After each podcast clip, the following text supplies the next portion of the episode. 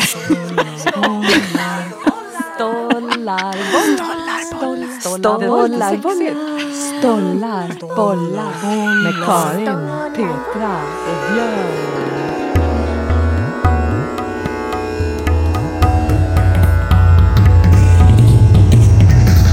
Stollar, bollar. Hej och välkommen till Stollar bollar. Vi är Björn Knutsson, Karin Blixt och Petra Reveny. Våra ämnen är lika gränslösa som osorterade.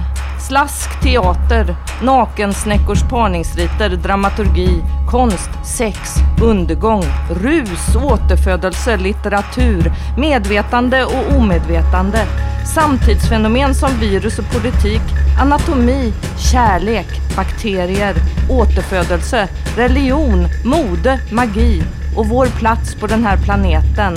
Ja, det är några av de ämnen vi tänker bolla med varann och våra kommande gäster. Avsnitt 5 Den förlorade musan.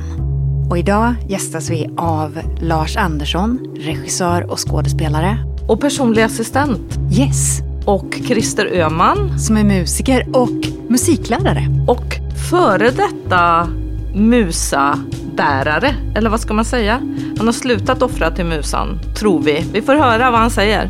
Och så har vi ju poeten Louise Halvardsson också med oss i dagens avsnitt. Som är veckans konstnär. Karin, Ja, vårat förra avsnitt, där pratade vi om musor.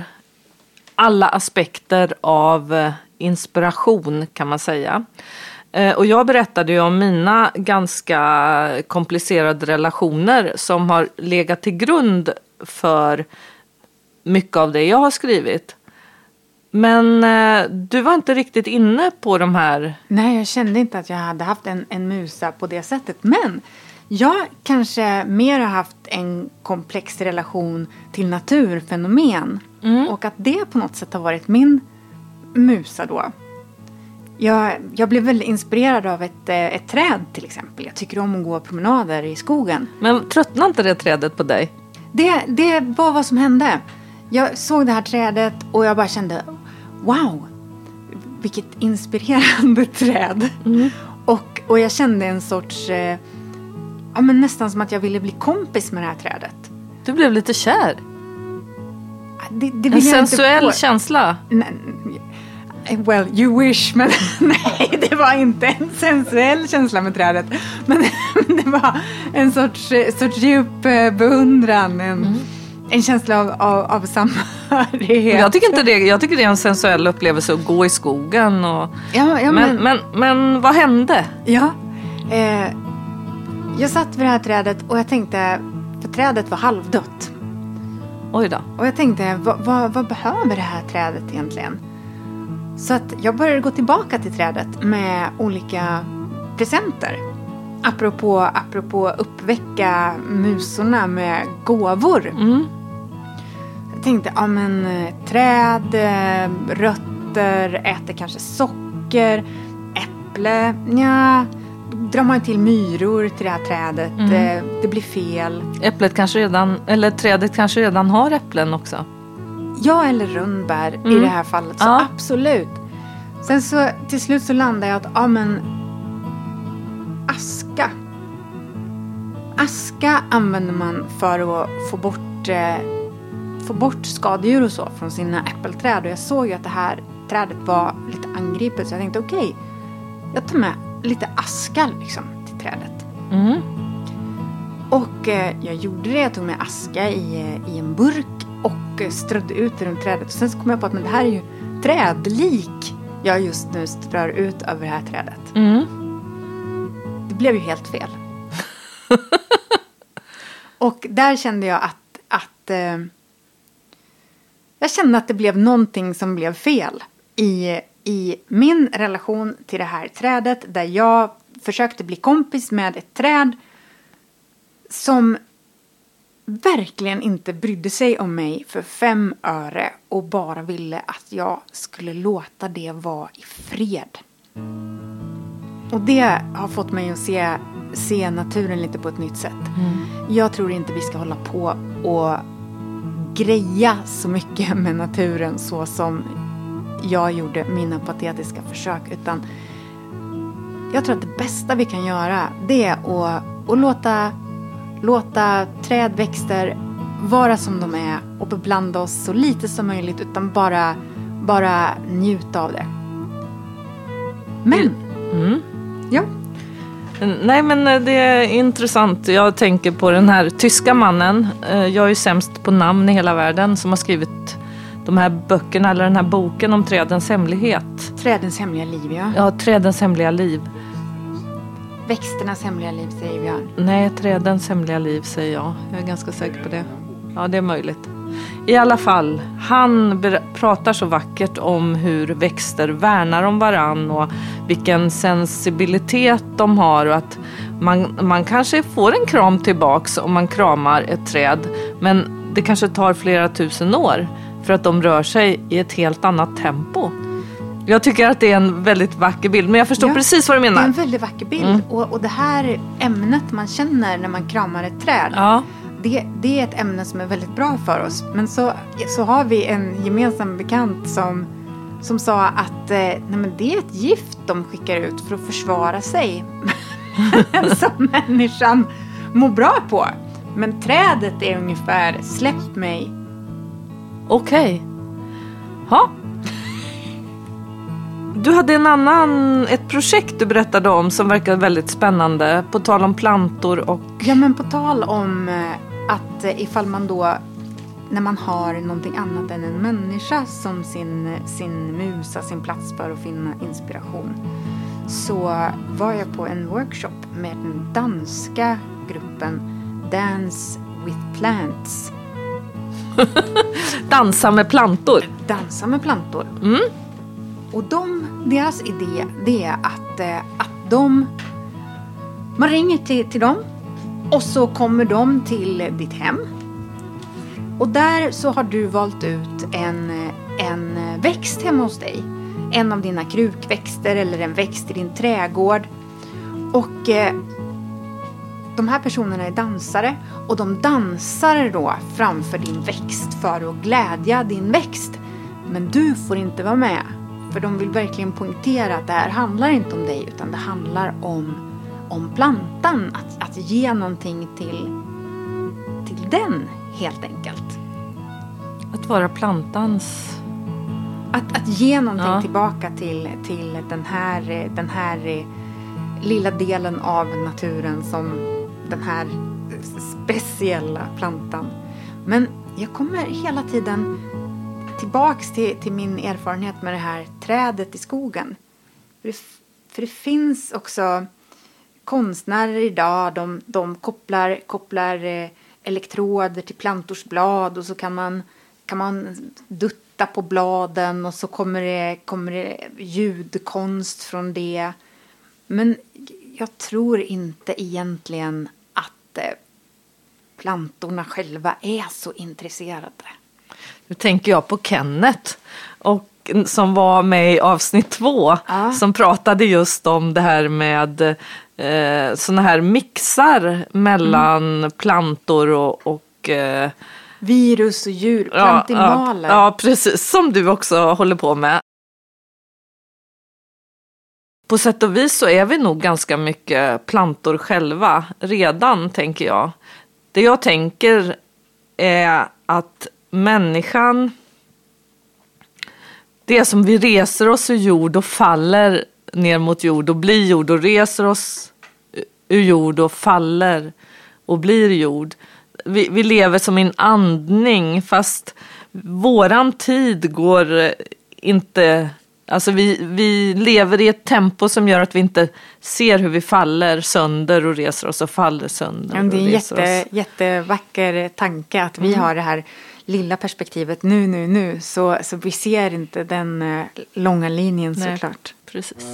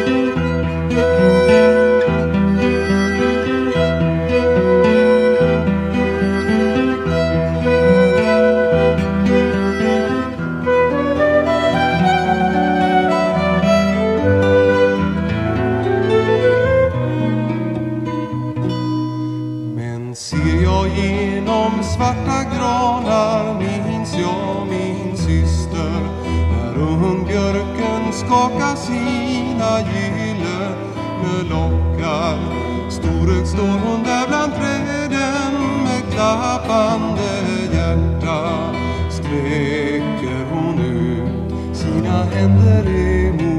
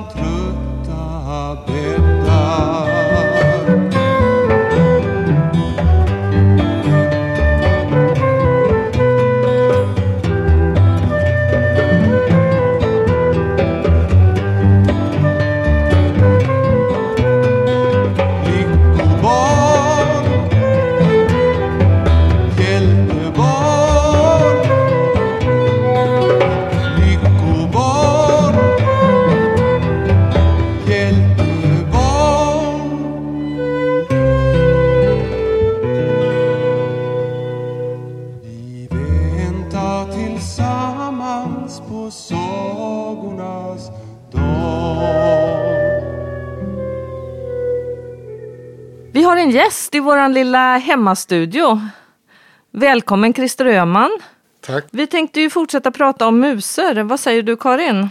Ja, vi, vi hade ju ett snack om, om musor sist, om, om eh, man kan se det som en tvångstanke, en, eh, en gudinna, en mytologiskt väsen. Och eh, den, det, det samtalet vi hade här, det, det läckte ut över, över den här formen. Och Björn tog det vidare till dig, Christer Öhman. Och ni snackade vidare om det här med, med musor. Och nu undrar vi, vad sa ni? Vi pratade om den förlorade musen. Den förlorade musan. Ja. Och eh, är det eh, den förlorade musen, det låter som man förlorar någonting helt essentiellt som konstnär. Ja, Absolut. Och det kan bli ett problem. För en författare kallas det för skrivkramp kanske. Mm. Men för en musiker eller en som komponerar så kan det bli väldigt påtagligt. Om inspirationen tryter helt enkelt. Och eh, i och med att det här kom, kom upp i er konversation så frågar jag rakt ut, är det någonting som har hänt dig? Absolut. Ja, är det någonting som, som du skulle kunna berätta om hur det var när det hände och hur du, hur du fick den här upplevelsen att oj, jag har förlorat min, min musa. Det handlar ju också om livets utveckling och, och sam, vilket sammanhang man är i. För mig handlar det om eh, bildandet av en familj. För då hände så mycket. Apropå våra frilanser och, och så vidare. Frilanser, att man, att man får, man får eh, mindre gig hela tiden, man är inte fast anställd och man måste söka hela tiden efter nya jobb. Och, jag gjorde färdigt min utbildning som startades 79. Den blev färdig 89. Den tog tio år istället för fyra. Men jag vill ha ett litet tidsperspektiv. Du är Ja. ju musiker Ja, eh, och eh, arbetade som musiker då. Eh, kan du inte berätta lite hur det var innan du förlorade musan? Var ni ute och spelade och du kände att det var, du hade flow eller hur? absolut otroligt flow. En, ända sedan ja, 15-årsåldern ungefär. Eller då, när man började vara intresserad av, av musik. Och jag började tidigt att komponera också. både tonsätta dikter och eh, skriva eget och så vidare. Så att eh, ja, det, det var liksom som ett behov. Och, och varför jag började tänka på Musa. Eller att det var någon, för det, jag kände att det var det var inte jag som styrde det hela. Och idag när jag eh, lyssnar på en del saker, nej men va, har jag gjort det? det är alldeles för bra. Eller är man nostalgisk och tycker att det var bättre förr. Men jag, ja, jag, jag kände att det var något som drev på i alla fall. Eller också lockade kanske. Och det, det är gestaltat i olika sammanhang, olika band, olika projekt genom åren då. Från 15 till, ja, tills man bildade familj. Och, det, och då ändrades livet. Men det var ju, vad var det? Vilken, hur lång period?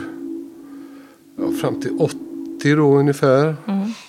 Från ja, 20 år, mm. ja, 20-25 år. Mm, handlade det om tidsbrist eller handlade det om fantasin kring eh, vad du ville transformera till musik? Om du förstår frågan. Var det så här att du kände att nej men det finns ingenting inom mig som jag vill göra något annat av? Det finns inget flow? Eller var det mer praktiska omständigheter som gjorde att du... Ungen ska ha en eh, vinteroverall och det ska lagas middag. och- Ja, nej men det var väl det att från att ha varit frilans och bara har haft ansvar för sig själv och man får familj. Och då gjorde jag färdigt min utbildning och jag tog jobb som musiklärare. Och då, då blev ju det ett annat sammanhang. Va? Och då hade, man- hade man ju inte de här, om man säger att om du förlorar eh, musan eller förlorar inspirationen eller du har skrivkramp och inte har några uppdrag. Då är det ju lättare att sluta. Men har, har du att du ska skriva en bok eller du ska göra musik till en föreställning. Ja, jag fortsatte ju några år. Vi hade skolturnéer och vi gjorde egna produktioner. Men jag, jag kände ju att det inte var... Det kom inte lika lätt utan att det var något annat då. Mm. Men, men Christer, skulle du säga, skulle du säga då att det, den förlorade musan, förlusten startade med att du valde bort det, det, den drivkraften för att Ja. det var Anna som tog över och Ja. sen när du ville vända dig tillbaka så fanns hon inte kvar. Precis. Eller att man, man ersätter det med någonting annat. Alltså, eh, du säger om du bara söker musik eller söker... Du, du är inte i de sammanhangen längre. Du, du gör någonting annat. Ja. För att själva skaparkraften, att vilja skapa någonting, den, den finns alltid kvar. Men just det där, vad ska man säga, det geniala eller vad ska man säga det här som man ibland får man ju det av dikter och även i musik men en tanke som ja, va? Man har aldrig tänkt det men den är så, det är så genialt. Liksom, eller? Och den, sådana tillfällen kommer ju i musik och i konst och, och så tittar man på det efteråt och wow. Det är, det är roligt att du säger det. Jag tror att vi alla får nog erkänna att man någon gång har suttit där och bara shit vad bra det här blev. Någon gång? Hallå?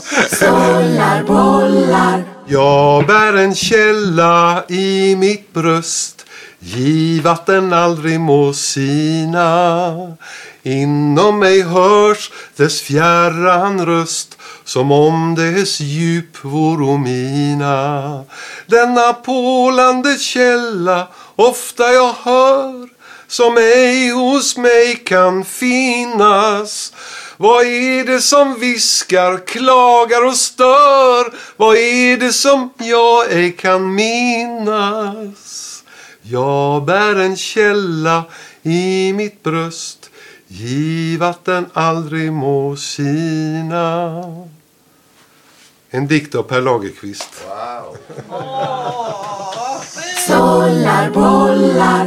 Men nu innan vi satte igång här så berättade du ju om din morgonrutin. Och det kändes ju som det var en väldigt stark strävan mot flöjten där. Ja, ja. Jo men det, det var ju eh, som sagt var från att ha varit egenproducerande i musik så blev det som att jag, hade, jag övade inte. Och det är väl det som är lite det här med, med musan eller jag sa förut en skyddsängel och hur länge stannar den hos dig och när får du själv börja jobba. Du kan liksom inte leva på din talang eller begåvning hela livet ut utan någon gång så lämnar skyddsängeln och säger att hej, nu har jag hjälpt dig, nu får du klara dig själv. Eller också är det som Josefin sa i förra avsnittet. Eh, när hon pratade om den, den mytologiska musan. Att eh, den musan, eftersom den musan har all kunskap så kräver hon ju offer. Eh, så om man inte offrar, om man inte är beredd att betala priset. Då, då blir man övergiven och straffad av musan. Well, like any other goddesses, uh, they need supplication, uh, they need offerings, um, and if they believe that the cause is just and beautiful and worthy of uh, their assistance, they will come. Du kanske inte betalade ett tillräckligt högt pris. Du var för bekväm. Eh, nej, jag, jag hade nog teorin om att, att en dag så lämnar hon. Musan lämnar och, säger att nu får du ta över. Nu har jag, som jag sa innan där, att ja, talangen, begåvningen och jag hjälper dig med det. Men du får göra någonting av det. Du får göra ett eget arbete. Och så kan man kanske fortsätta livet ut. Men okej, jag offrade. Jag offrade inte tillräckligt eller sa hej då till musen. Eller, Jag valde ett, ett annat liv. Men hörni, har det, har det med ålder att göra? Det här som, för jag tycker det du säger, det låter, det låter vackert. Det här att, att man lägger bort idén om att vara sitt eget geni. Liksom. Om- att vara en kreatör och istället så, så, så blir det lika värdefullt att någon annan har kreerat någonting. Du, det, det är så jättebra. Och jag, jag vet inte om jag får ta ett exempel här. Och jag ska inte jämföra mig med den personen på något sätt, Paul McCartney. Han berättade att när han och George eh, var på fester och så i sin ungdom så hade de ett showpiece. Och det var da da da da da da da da da Boré som eh, sen Jethro Tull gjorde i jazztappning. Va? Det hade de på fester att försöka imponera på folk med. Va? Men jag tror inte då i sitt genius som de var. Va? Att han orkade lära sig den riktigt och rätt så som den ska spelas. Men däremot när han gjorde Blackbird så var det utifrån hur man spelade den som han gjorde Blackbird. För han hade så mycket inom sig så han gjorde, det blev Blackbird och Boré. Och jag minns att eh, jag hade inte tid och ork att lära mig Blackbird. Utan jag, men jag använde mig av det för att göra en egen låt. För man var så uppfylld av sitt eget kreativitet eller genius eller vad det heter. Men du känner ingen sorg eller längtan tillbaks till? Absolut, jätte. Jag skulle vilja skriva men jag, musik då, men jag, jag tror att eh, det fattas sammanhanget. Veckans konstnär, Louise Halvardsson. Min mystiska musa, förklara för mig skillnaden mellan gräs och ogräs, kråka och kaja, modell och modul. Förklara varför svenska flaggan ligger söndertrasad bakom soptunnan. Varför sopberget inte har någon topp varför det inte avbildas på vykort med vänliga hälsningar från ingenstans.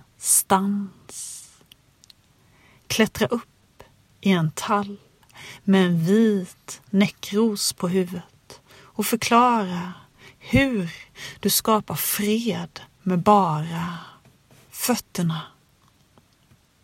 Min mystiska musa, min mystiska musa, min mystiska musa. Förklara för mig skillnaden mellan Stalin och Lenin, tisdag och torsdag, pastor och prost.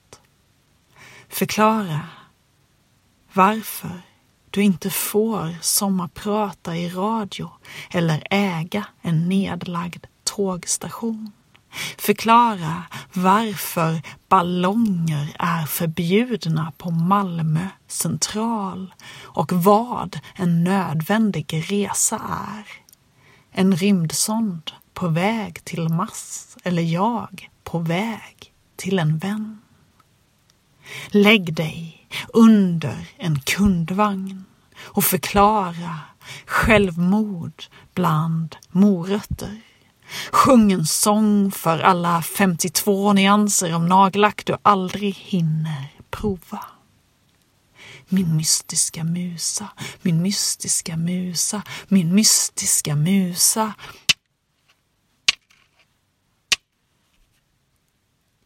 Förklara för mig, förklara för mig, förklara för mig Förklara, förklara, förklara, förklara för mig, förklara för mig, förklara för mig. Gräset och ogräset, kråkan och kajan, modellen och modulen, stalinismen och leninismen, tisdagen och torsdagen, pastorn och prosten. Min mystiska musa.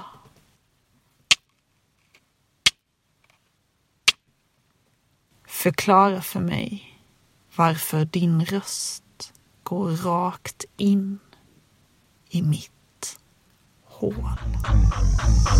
Stollar, bollar. Nu har vi gjort en liten rokad här för vi har ju coronasäker inspelning så nu är det regissören och skådespelaren Lars Andersson som plötsligt sitter på samma plats där Christer Öhman musiker alldeles nyss satt. Mm. Vad säger du Lasse om detta med Musa? Har du arbetat med eh, denna inre flamma? Jag hör er prata så det är klart att jag får en massa tankar men de är, jag vet inte hur pass artikulerade de är. Och hur pass... Jag vet inte, redan när jag hörde att ni pratade om det här så är det, värjer jag mig på något sätt emot det här eh, med muser. Varför vet jag inte riktigt. Det är eh. jätteintressant för det är flera som har fått den reaktionen att man, att man ja, de har uttryckt att ja, men, ah, jag värjer mig lite grann. Mm, Kajsa Grytt säger det i det föregående avsnittet. Att eh, hon blir jätteirriterad på mig bara jag ställde frågan. Ja. Men i hennes fall så handlar det nog mycket om det här att själv ha varit en musa och känt att det inte var någon jämlik relation. Mm. Att man kan projicera vad som helst på en person. Ja, eh, och sen liksom säger man att ja, men det är en musa konstnärsrelation så, så jag kan kalla dig vad jag vill eller göra vad jag vill och säga att det är du som jag mm. skildrar. Medan det i själva verket naturligtvis är konstnärens projicering på musan som vi ser. Men precis som Karin sa, alltså jag tänker att eh, om man tittar på de som, eh, alltså, som har eh, gått sin musa till, alltså den här musan är ofta en väldigt svartsjuk entitet eller vad vi ska kalla det för. Om du inte liksom ger ditt liv till den så, så det är priset, det ser man ju hos många konstnärer också. Liksom, det är ofta till priset utav ett privatliv. Som nu Christer, kan man välja familj och så här. Så, ah, okej, okay, tjena, säger musan och sen så är det that was it liksom. Du menar att det finns många konstnärer som har eh, undat, ja, jag sig... På, jag tänker bara på dig, den person som ska komma in i ditt liv och, och liksom få en större plats än ditt skrivande. Den, den önskar jag ju lycka till. Lars är min exman ska jag påpeka för poddläsarna. Nej men känner man dig så vet man att skrivandet är liksom det primära. Och så är det ju för väldigt många konstnärer så att säga som, som är drivna av att, att de faktiskt måste skapa så eh, kommer allting annat i, i andra hand. Men det finns också någonting med den här musan tänker jag som är Kanske blir jag irriterad därför att jag har inte heller det där drivet liksom att eh, jag, är, jag är ju både skådespelare och regissör och jag, jag har inte längre det där drivet. Och jag funderar ibland på var det där drivet kommer ifrån. Är det för att Hävda sig. Ja, men om det är det till exempel så beror det på hur stort hålet igen är. Den där törsten, liksom, verkliga livet eller någonting kan inte aldrig ersätta det där. Utan det finns alltid en törst som är större. Och eh, det finns någonting i mig som är någonting nästan patologiskt det här. Nej men det säger ju Birgitta Stenberg som jag också citerade i förra podden. För hon, hon berättar i, eh, på något ställe jag lyssnade på en intervju med henne om att hon har skrivit sex självbiografiska böcker. Och hon säger att det värsta som finns är psykoanalys. Det enda som är intressant det är levt liv. Ja, ja. För att det är det jag är intresserad av för att hon tror då att, att dela erfarenhet det är det enda som människor, det är på det sättet man kan mötas. Varför ska man göra någonting? Jo, det handlar om att dela erfarenhet. Och det är det hon vill göra genom att skriva. Och hon vill bara skriva levt liv. Absolut ingen, ingen analys. Eh, och jag tycker det är, en, alltså det är någonting i det som, som eh, rörde mig Mm. eh, väldigt mycket. Men eh, jag håller med dig att absolut så kan musan vara en slags patologi. Fast jag, apropå det där som du säger om Paul McCartney nämnde du. Det, det, det är också någonting som är fascinerande. Väldigt många konstnärer som jag minns jag såg ett 60 minutes en intervju med Bob Dylan. Och alltså, när han pratade om sitt unga jag och de här, alla de här låtarna. Han var ju liksom den här enorma kre, kreativiteten han hade. Han sa, jag har inte en aning om var det här kommer ifrån. Han skrev Blowing in the wind på fem minuter liksom. Och sen så sitter han och läser en lång liksom eh, eh, textstrofer från, eh, jag tror att det är It's alright ma, I'm only bleeding eller något sånt där. Eller var kom det där ifrån liksom? Fan vad bra det är liksom. och han, liksom, han fattar inte att han har skrivit det. Det där kan man inte tänka ut, sa han. Det kommer bara som det var ju bara som att jag var uppkopplad mot någonting. Jag tror också att man måste göra sig tillgänglig liksom. Så det finns ju många, alltså Paul McCartney som du nämnde. Han drömde ju yesterday. Han vaknade upp och bara liksom. Och sen gick han och frågade, flera veckor gick han och frågade folk. Vem är det som har skrivit den här låten? Vem är det som har skrivit den här låten? Man tänkte, jag kan ju inte, jag kan inte sno den här låten. Men jag måste ha reda på vem fan det är som har skrivit den. Till slut nej, ingen. Jaha, då skriver jag den. Och eftersom de inte kan noter och sådär så var han tvungen att sätta, han var, de hade något bandspel och så han vaknade på natten och liksom bara hummade den för att liksom komma ihåg det. För, nej, Scramble. ja, Scrambled Eggs ja. Scrambled Eggs. Samma Keith Richards Satisfaction. Det var också vakna på natten och hade en bandspelare på sidan. Men man måste ju ha det där. För att om jag skulle vakna och ha en låt i skallen.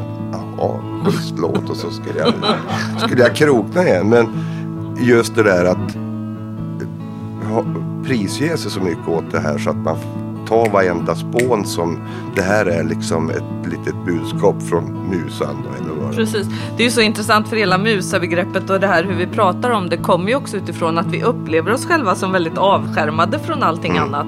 Åh, det kom någon annanstans ifrån. I själva verket så kanske våran erfarenhetsbas egentligen är mycket mer kollektiv.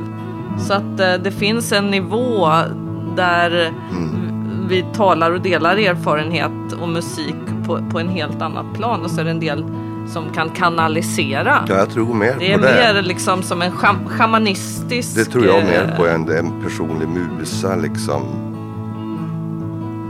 Jag tycker det är fascinerande. Jag tror det är väldigt många utav de stora som liksom berättar samma typ av historier. Mm. Att de inte riktigt fattar. Men det är väl så att om man kanske som du säger, man övar, man, man övar upp ett verktyg och, som gör att man faktiskt sedan eh, när, när, när de här grejerna kommer så kan man klippa till och liksom fatta att det, oj, det här är ju någonting. En annan sak som är intressant när du när ni pratar om de här banden, Keith Richard och Paul McCartney och så här, det är ju intressant att en del band har som en slags kollektiv musa. Eh, alltså, jag tycker ju Rolling Stones musik, när de gör sep- separat musik, det är ju aldrig lika bra som när bandet är där. Och det finns ju jättemånga sådana exempel att man, att man skapar någonting tillsammans som eh, eh, blir någonting kollektivt. Och som blir större än delarna liksom. Och där känner jag lite grann eh, Trickster. Vill jag ta upp där. Det, det var ju verkligen det tyckte jag. När jag började på, på Trickster där 97 någonting. När eh, eh, de eh, pjäserna där var jag ska inte säga att det är det bästa Trickster har gjort eller liksom gradera det så. Men det var en väldigt eh, eh, en, ett speciellt uttryck tycker jag. Var det verkligen. Sprid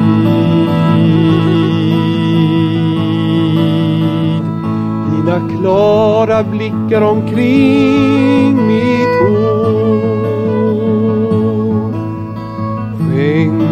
mig evigt liv i tusen gyllene år. Allt skall bliva ditt så länge jag äger det som är mitt. Allting kan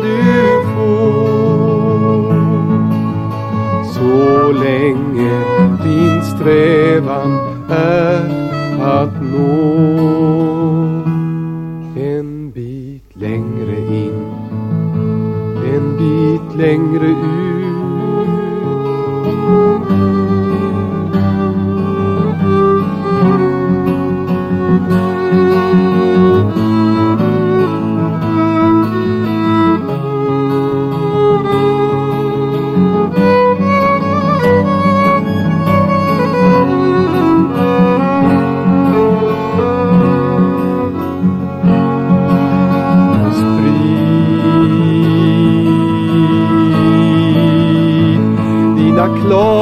Levande dräkter omkring min kropp.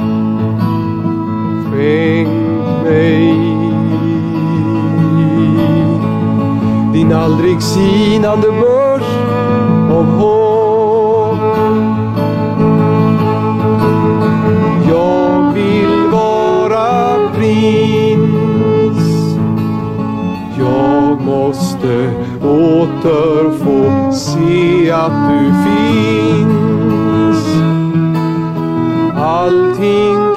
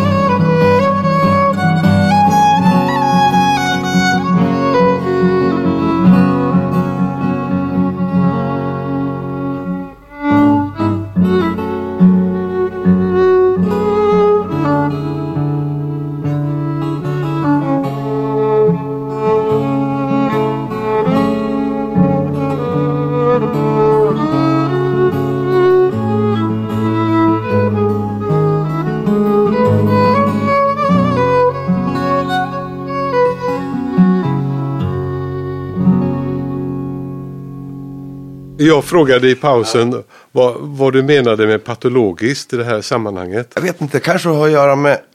eh, jag vet inte hur privat man ska bli, men... Alltså jag ser inte som att det är det jag har gjort, men ponera att det kanske är så. Att man har gjort saker för att eh, imponera på kvinnor som man har varit ihop med och sånt där. Att de har fått tjäna som någon sorts... Eh, men att man liksom så finns det någonting patologiskt i det att man ofta blir om man försöker att göra för mycket för agenter utanför en själv så, så ser man till att straffa dem för det till slut. Man, man, man, man, man blir eh, man kan bli en elak jävel av det liksom. Om man är för mycket, alltså det. Även mot musan tror jag liksom. Man, man, kan, man kan hålla på att bli otrogen mot sin musa. Vem den än är. Liksom att du får inte ha för stor plats i mitt liv. Eller ska jag hålla på och slava för dig?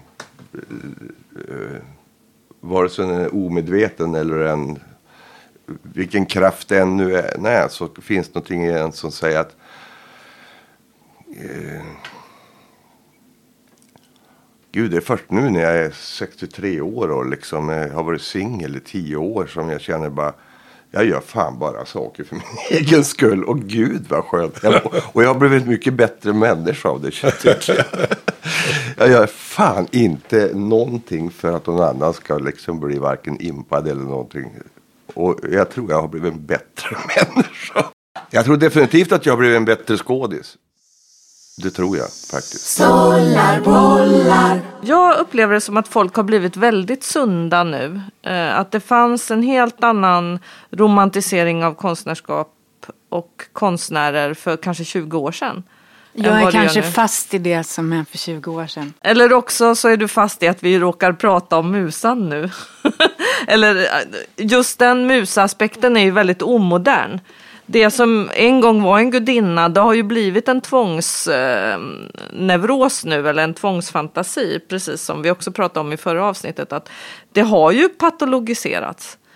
Jag, jag upplever det när jag undervisar mina studenter, alltså det, det har blivit väldigt nyktert och politiskt korrekt och, och en, ett helt annat språkbruk, en helt annan, ett, ett helt annat medvetande, Eh, ett annat sätt att se på problem och Alltså det finns en slags diagnosförtjusning nu. Eh, jag upplever det tvärtom.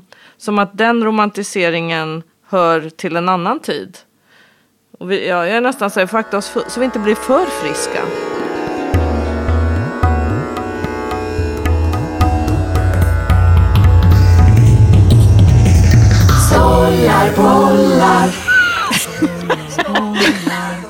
Stollar, bollar, stollar, bollar, stollar, bollar med Karin, Petra och Björn.